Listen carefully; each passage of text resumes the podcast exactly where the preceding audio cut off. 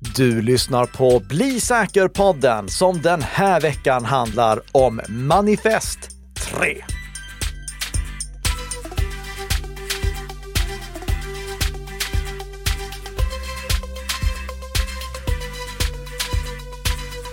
Just manifest är ju någonting som eh, vi har hört ifrån folk som tänker lite väl mycket om hur samhället ska förändras. Vad, vad pratar vi om egentligen? Nu pratar vi inte riktigt så stort. Vi pratar om vad våra webbläsartillägg ska ha möjlighet att göra.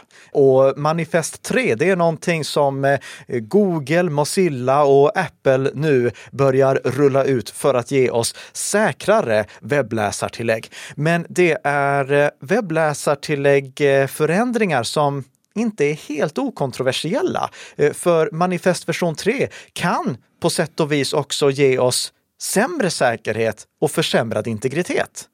Så i veckans huvudämne, då kommer vi att reda ut de för och nackdelar som Manifest version 3 för med sig.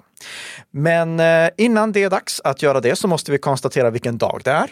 Idag är det den 27 januari 2023. Men inspelningsdatum för den här podden är ju 26 januari 2023. Precis, det är lite mismatch däremellan. Ja, mm. men det är ju för att ni ska ha podden så här på morgonen så att ni kan vakna på fredagsmorgonen och lyssna på ett nytt avsnitt av Bli säker-podden som produceras i samarbete mellan Nika Systems och Bredband2. Och på tal om mismatch så kommer vi börja med att prata vad vi inte ska prata om denna veckan utan nästa vecka. Just det. Eh, En teaser för nästa vecka. Nästa vecka, då kommer vi att prata om Chat Control 2.0. Chat Control 2.0 är det här vansinniga, vidriga förslaget som säger att eh, de som driver eh, de chatttjänster vi använder idag, de ska inte bara ha möjlighet att skanna våra konversationer, utan de ska tvingas att göra det.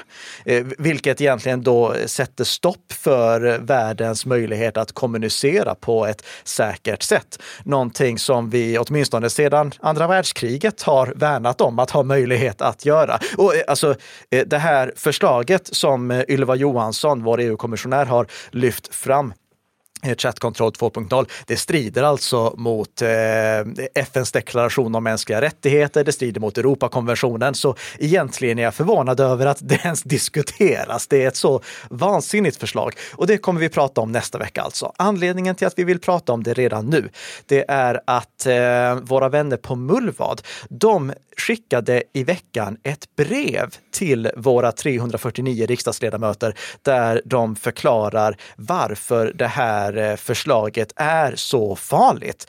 Varför chat control måste stoppas. Det här brevet som Mullvard Mullvad skickade, det publicerades också i eh, Svenska Dagbladet på debattsidan där. Så ifall ni vill läsa det här förslaget, eller för, förlåt, läsa det här brevet inför eh, nästa vecka så kan ni göra det genom att gå till Svenska Dagbladet. Jag vet att det finns risk för att det kommer vara en betalvägg och jag har därför bett om tillstånd att få återpublicera hela brevet. Så det kan finnas en länk till en lokal version som ni kan läsa på Nikka Systems webbplats ifall det skulle vara så att eh, det är betalvägg hos Svenska Dagbladet. För det, det kan, kan säga som så här, det är jätteviktigt att ni läser Eh, det här brevet där och inte liksom stjäl ett av de här breven som eh, Mullvad har skickat till våra 349 riksdagsledamöter. För vet du vad som händer om du läser någon annans fysiska brev? Eh, böter eller fängelse i upp till två år. Precis, då bryter du mot post eller telehemlighet. Och, och det, alltså, ni, ni lyssnare, ni måste ju förstå det vansinniga i att någon skulle få läsa en annan persons fysiska brev. Det är som att vi skulle få läsa varandras eh, chattkonversationer. Eller vänta nu, det, det är ju det det här handlar om. Ja, ytterligare ett konstigt exempel på hur de i hela friden ska få ihop det här chat control med eh, GDPR och allting annat kring skydd av information. Men det kommer vi till nästa vecka. Nu ska vi börja med veckans snabbisar som handlar om den här veckan och där har du Peter någonting. Ja, här har vi också brev som inte får läsas av alla. Ja. Eh, Försäkringsjätten If har blivit uppsträckta av Integritetsskyddsmyndigheten, IMY, eller IMY. Det är ju före detta Datainspektionen.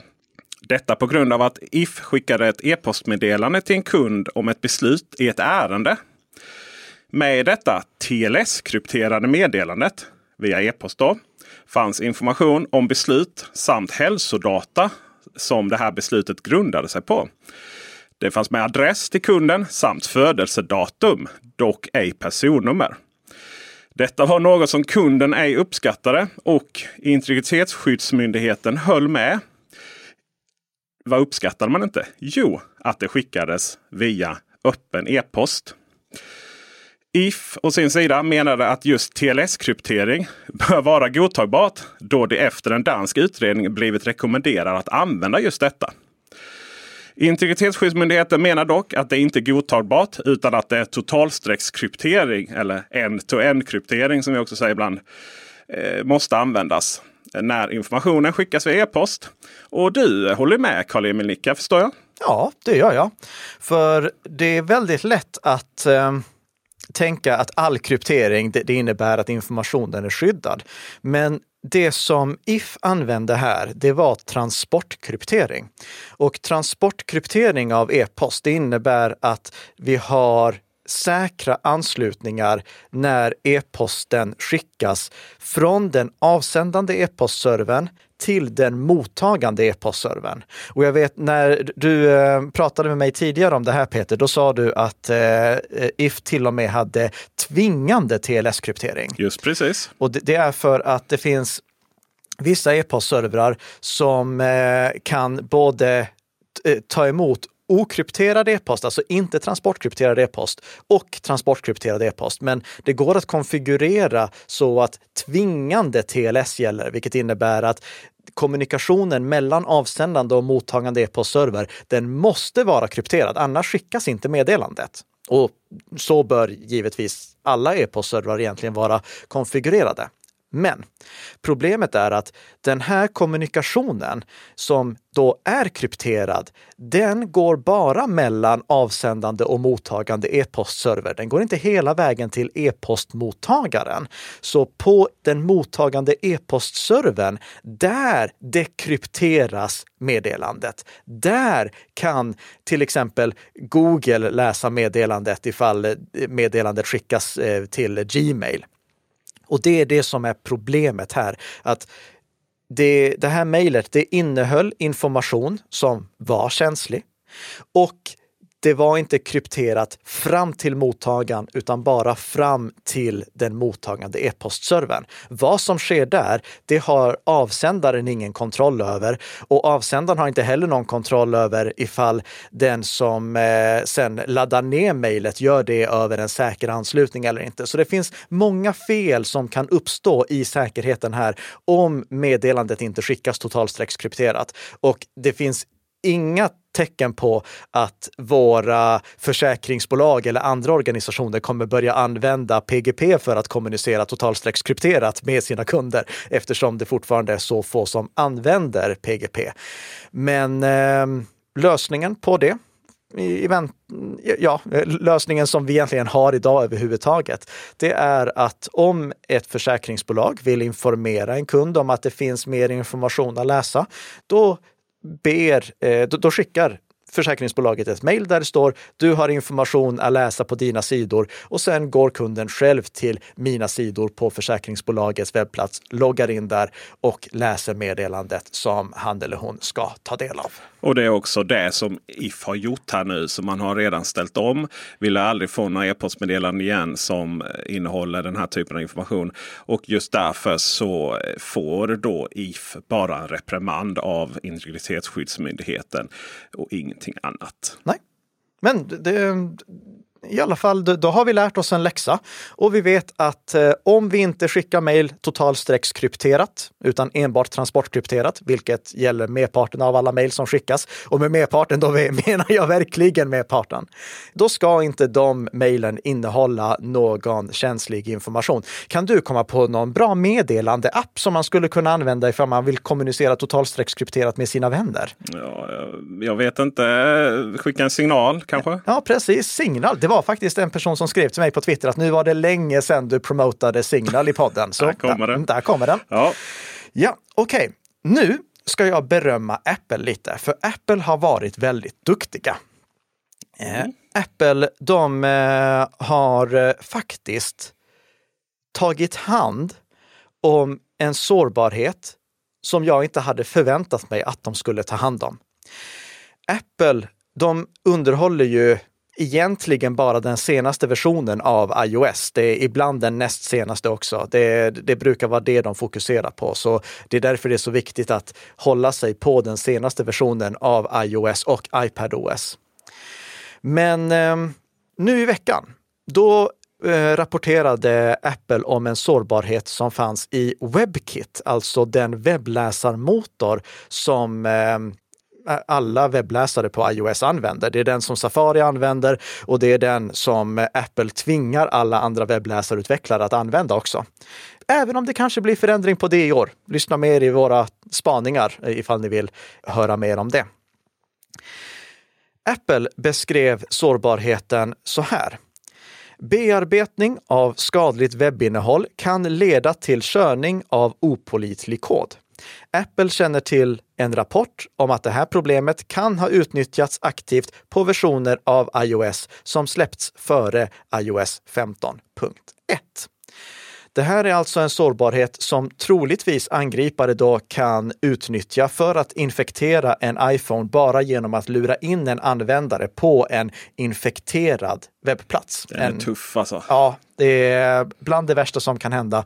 Plus faktumet att Apple alltså redan vet att den här attacken används. de har eh, ett eh, exempel på, att de har fått en rapport om att den här attacken används eller den här sårbarheten utnyttjas. Så vad gör Apple då? Jo, de tar sitt ansvar och åtgärdar den här sårbarheten hela vägen tillbaka till iPhone 5S. En mobil som släpptes 2013. Det ska de ha cred för.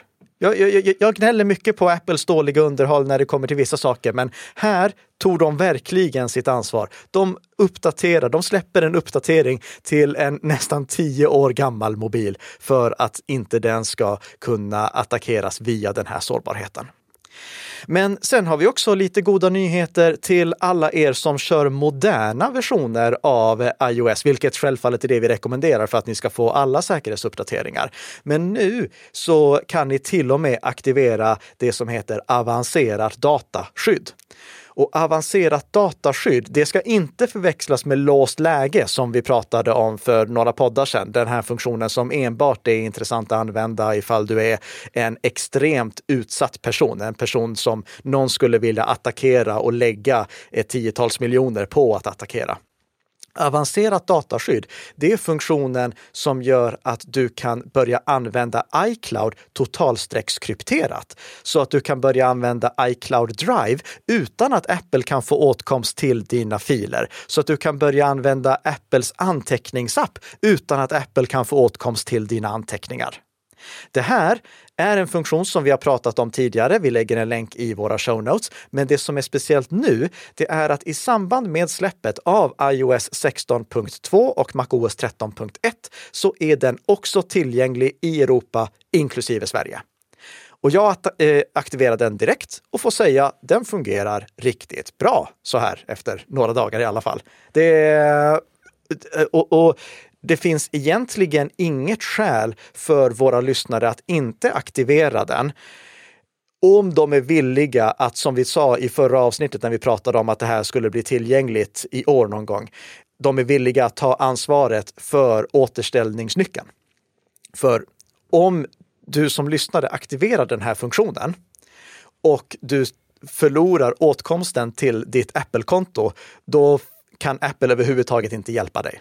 Så du måste verkligen ta hand om den återställningsnyckel som Apple genererar åt dig i samband med att du aktiverar det här. Alltså när du aktiverar det, då får du en lång siffersträng, en lång teckensträng ska jag säga, som eh, är din hemliga återställningsnyckel som du ska spara om du skulle behöva få åtkomst till eh, ditt eh, avancerade dataskyddsskyddade iCloud igen. Och den sparar vi i, vår, i vårt eh, Bitwarden eller eh, OnePassword? Du kan spara det i din lösenordshanterare som en anteckning där. Du, eh, och jag kan säga, här har Apple gjort rätt. För att när jag aktiverade det här, då eh, sa Apple åt mig, skriv ut den här återställningsnyckeln. Och då gjorde jag det. Och sen klickade jag på vidare. Och då dolde Apple den, eh, den återställningsnyckeln som de tidigare hade gett mig och så sa de skriv in den igen. så det, det, är liksom snyggt gjort för att de vill verkligen säkerställa att du har sparat den. Men eh, och vad är det då som är totalstreckskrypterat här nu? iCloud Drive? Det är alla iCloud-tjänster förutom e-post, kalender och kontakter. Så, gamla godiga IMAP och ja. CalDAV och allt det där. Då. Exakt, så eh, du kan få totalstreckskryptering på i princip allting. Och du behöver, och, och, och, och, ska lägga till en, en till sak här när det gäller just återställningen. Om du känner att du inte vill ta det ansvaret att ta hand om den här återställningsnyckeln, då kan du välja en återställningskontakt istället. Men jag tror att de flesta av våra lyssnare väljer återställningsnyckeln för att inte göra sig beroende av en återställningskontakt. För att aktivera det här så behöver eh, ni se till att alla era iCloud-anslutna enheter kör den senaste versionen av operativsystemet. Om ni vill ha åtkomst till eh, ert eh, totalstreckskrypterade iCloud från Windows, då måste ni eh, installera iCloud för Windows 14.1 som är också tillgängligt som en gratis uppdatering nu. Och ifall ni vill fortsätta få tillgång till eh, iCloud på webben, då måste ni slå på det manuellt. Som standard så är eh, åtkomst till iCloud-innehåll som eh, skyddas med avancerat dataskydd inte tillgängligt i webbversionen. Men ni kan slå på det från era inställningar i MacOS och iOS. Det är dock lite omständligt för att varje gång som ni sen framöver vill komma åt iCloud på webben, då måste ni godkänna en pushnotis som skickas till er Mac eller er iPhone eller er iPad såklart. Det är iPad också, den ska vi inte glömma. Så det, det, det, är en funktion som jag tror att alla våra lyssnare eh, har glädje av och jag vill poängtera avancerat dataskydd. Det är alltså riktig totalstreckskryptering. Det är inte något sånt här marknadsföringspåhitt som eh, OneDrive personligt valv. Det pratade vi om innan du kom in i podden Peter ehm, och jag skrev en artikel om det som hette OneDrives personliga valv missar målet. Och det är för att Microsofts sådana här lösning som ska vara extra säker ur ett eh, molnperspektiv, den är inte totalstreckskrypterad. Det är bara en lösning som gör att du eh, skyddar datan extra mycket på din eh, dator genom att där lagras den krypterad och du måste ange ditt lösenord igen för att komma åt den. Men OneDrive personligt valv är inte totalstreckskrypterat. Så Eh, eh, Medan Apple har gjort rätt här har Microsoft tyvärr gjort fel. Och sen har vi en annan stor nyhet också på Apple-fronten och det är säkerhetsnycklar. Jo, jag blir så glad över att Apple har lagt till stöd för riktiga autentiseringsmetoder istället för bara sina egna påhitt. Nu går det alltså att eh, använda säkerhetsnycklar, till exempel YubiKey eller Google Titan Key, för tvåfaktorsautentisering när du vill logga in på ditt Apple ID. Oh, jag får inte upp eh, den här rutan med siffror eh, framför min tvåstegsverifiering. Nej, precis. Det är ingen sån här Apple påhittlösning som verkar inte ens vara helt genomtänkt, utan eh, du kan använda din eh, YubiKey för att logga in. Och det är inte nog med det. inte nog med det. Eh, Apple har dessutom gjort helt rätt här. Ni vet, jag brukar tjata i den här podden om att om du vill använda en säkerhetsnyckel, då måste du ha två säkerhetsnycklar. En som du har med dig och en som du har i reserv. Och Apple, de har inte gjort som de flesta andra gör, att bara informera användarna om det, utan de låter dig inte ens aktivera den här funktionen om du inte har två stycken säkerhetsnycklar nycklar. Du måste ha två stycken för att få aktivera det. Jag har testat med lite olika YubiKeys och kan konstatera att det fungerar med YubiKey 4C, det fungerar med 5CI, det fungerar med 5C NFC. Eh, det fungerar med de flesta YubiKey-nycklar, eh, både via NFC och via Lightning-kontakten. Det finns ju en YubiKey-nyckel som har Lightning-kontakt och det fungerar både med eh, Lightning-lösningen och med NFC-lösningen. Det som det inte fungerar med, det är eh, de här YubiKey-nycklarna som har eh, en biometrisk sensor för upplåsning.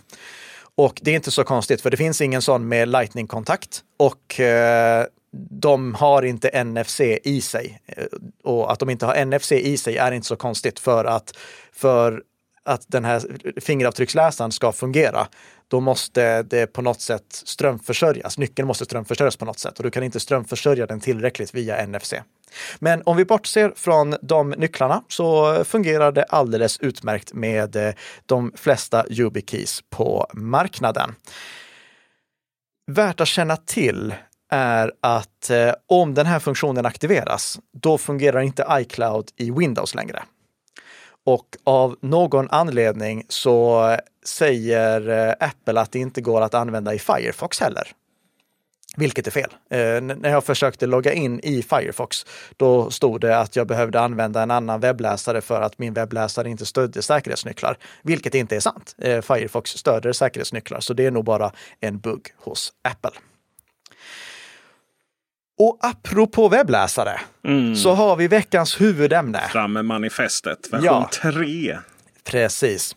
Vi har i den här podden varnat för att installera webbläsartillägg och det kommer vi fortsätta göra. För webbläsartillägg, de kan vara skadliga. Vi har sett exempel på webbläsartillägg som ändrar innehållet på webbsidor för att tjäna pengar, som stjäl kryptovalutor. Det, det gäller att vara restriktiv med vilka webbläsartillägg som används. Inte minst för att webbläsartilläggen som vi har idag i våra webbläsare, de använder Web Extensions Manifest version 2. Och Web Extensions Manifest version 2 låter webbläsartillägg göra nästintill vad som helst.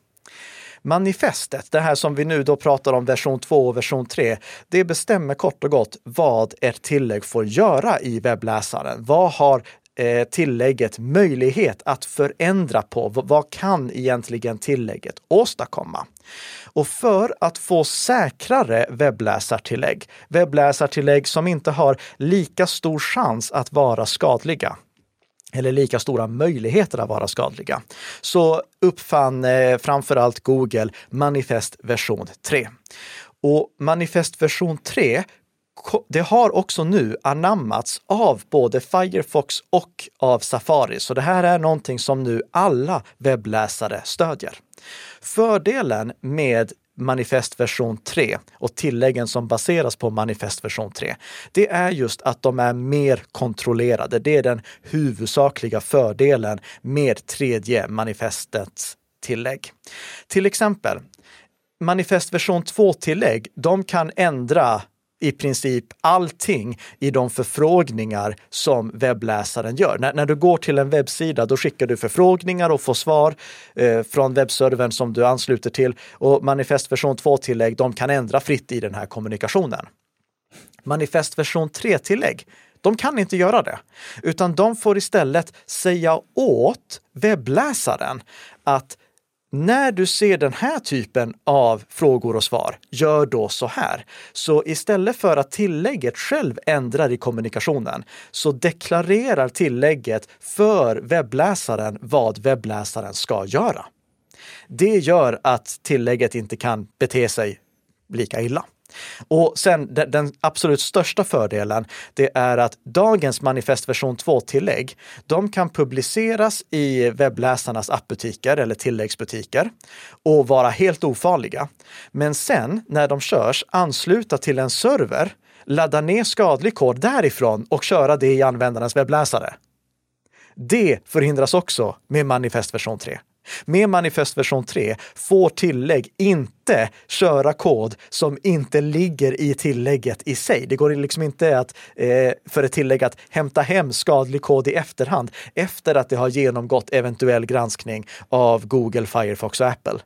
Så vi får bättre kontroll över vad tilläggen gör tack vare manifest version 3. Man skulle kunna säga att manifest version 3 fungerar så som jag som lekman trodde att tilläggen fungerade från början. Ja.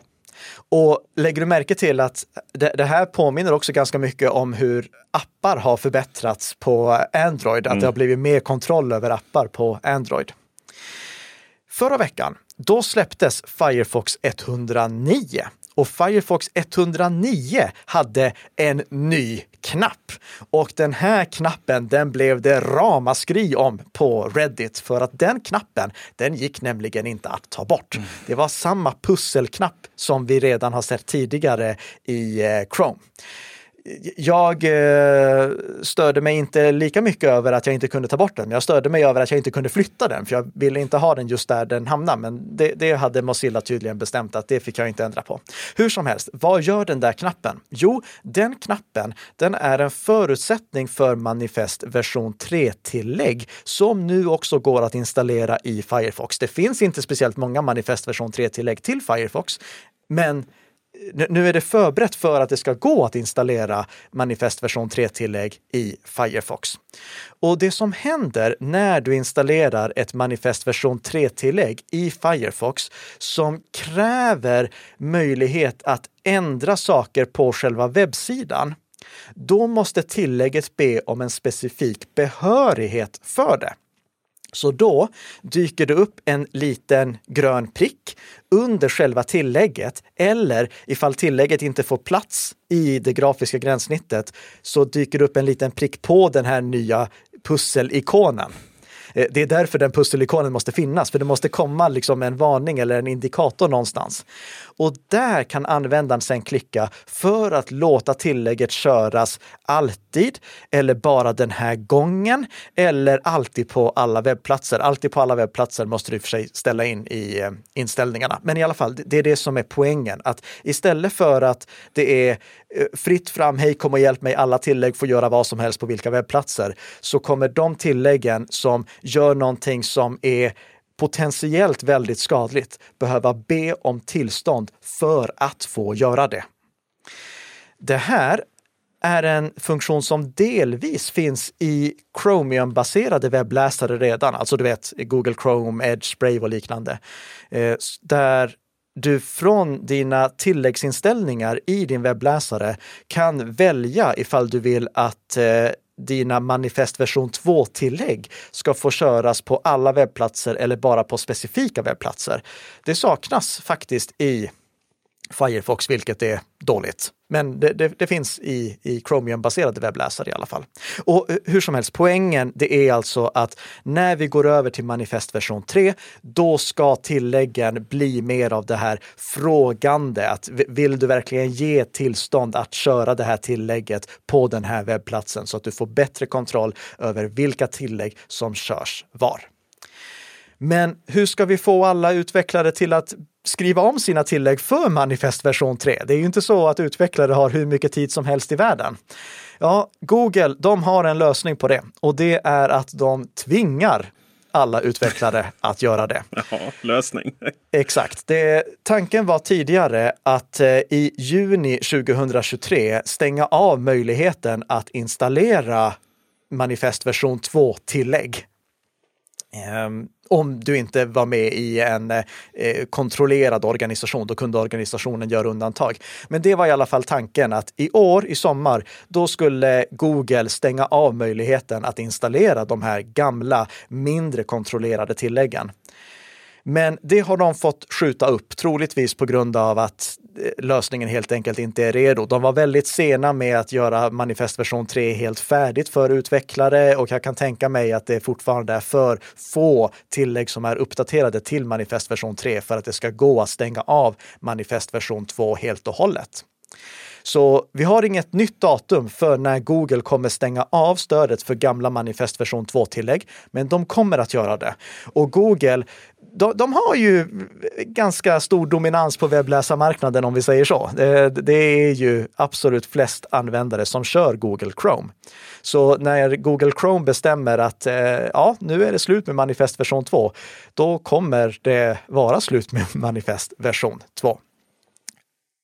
Det är inte helt okontroversiellt. Här kommer vi in på det som är det kontroversiella.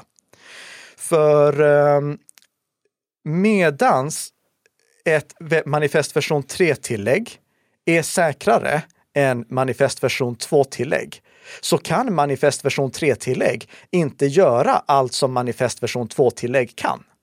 Och en av de saker som manifest version 3-tillägg inte kan göra, det är att blockera annonser lika effektivt. Mm. Och här kommer ju då konspirationsteorier in, som jag inte vet om är konspirationsteorier eller riktiga teorier. Eh, för att, ja, Google är hela poängen med manifest version 3 att ni ska göra det svårare att blockera annonser. Det kan eh, ni läsa mer om hos eh, IFF om ni vill det. Vi lägger en länk till deras artikel. Men eh, det som är Problemet är att med manifest version 3, då kan du egentligen bara ha 30 000 sådana här deklarationer för vilka webbplatser som ska blockeras till exempel, eller vilka adresser som ska blockeras.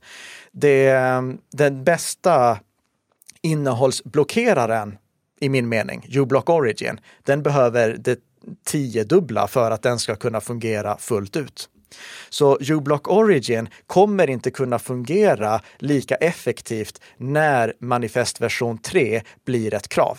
Och det kan ni testa redan idag om ni vill. Om ni använder uBlock Origin för att blockera innehåll eller för att blockera annonser, vilket också går att göra med uBlock Origin, då kan ni installera manifest version 3-versionen av det, som ursprungligen hette uBlock Origin Minus och därför har en liten minus-logotyp. Nu heter den uBlock Origin Lite istället. ja, och då ser ni att det är mycket färre inställningsmöjligheter som finns där. Men det är någonting som kommer komma och bli krav i Google Chrome och Chromium-baserade webbläsare. Men Firefox, om ni minns min spaning om att Firefox skulle få en liten renässans i år, de de stödjer redan manifest version 3-tillägg. Det var det som kom nu med Firefox version 109. Men de behåller stödet för manifest version 2 också. Så tillägg kommer kunna fortsätta att fungera på det mindre säkra sättet, vilket om det är ett seriöst tillägg, faktiskt kan höja säkerheten eftersom uBlock Origin kan blockera en massa skadliga webbadresser och dessutom kan eh, förstärka integriteten genom att blockera alla spårningsförsök. Så det finns både för och nackdelar med manifest version 3. Jag skulle säga att Firefox har gått en medelväg en gyllene medelväg genom att de behåller manifest version 2. Men då måste de också på något sätt indikera för användare att de där tilläggen som bygger på manifest version 2, de är inte lika säkra som de här manifest version 3-tilläggen. Och jag förstår att med Googles dominans och mycket, mycket fler användare om de inte hade tvingat alla webbläsarutvecklartilläggutvecklare, webbläsartilläggutvecklare att gå över till manifest version 3, då hade alla stannat på manifest version 2. För att varför bry sig om att ändra någonting som fungerar? Jag vill också poängtera att det här det är alltså bara någonting som påverkar innehållsblockerare som installeras som tillägg. Pratar vi om Brave till exempel. Brave har ju en inbyggd innehållsblockerare. Och den påverkas inte av någon manifestversion, för det är ju en del av själva webbläsaren. Det här påverkar bara tillägg som du installerar i webbläsaren. Det är de tilläggen som med att manifestversion 3 blir ett krav måste följa de här riktlinjerna för att fungera i moderna versioner av webbläsare. Vi kommer självfallet att hålla ett öga på hur det här utvecklas ur alla webbläsarperspektiv och eh, vi kommer följa upp när vi får nya datum för när de här nya kraven träder i kraft. Och om du inte vill missa det, då finns det ett väldigt bra sätt att eh, hålla koll. Och det är att prenumerera på den här podden. För då får du automatiskt varenda vecka ett nytt avsnitt av Bli säker-podden som gör dig lite säkrare för varje vecka som går. Tack så mycket för att du har lyssnat. Tack!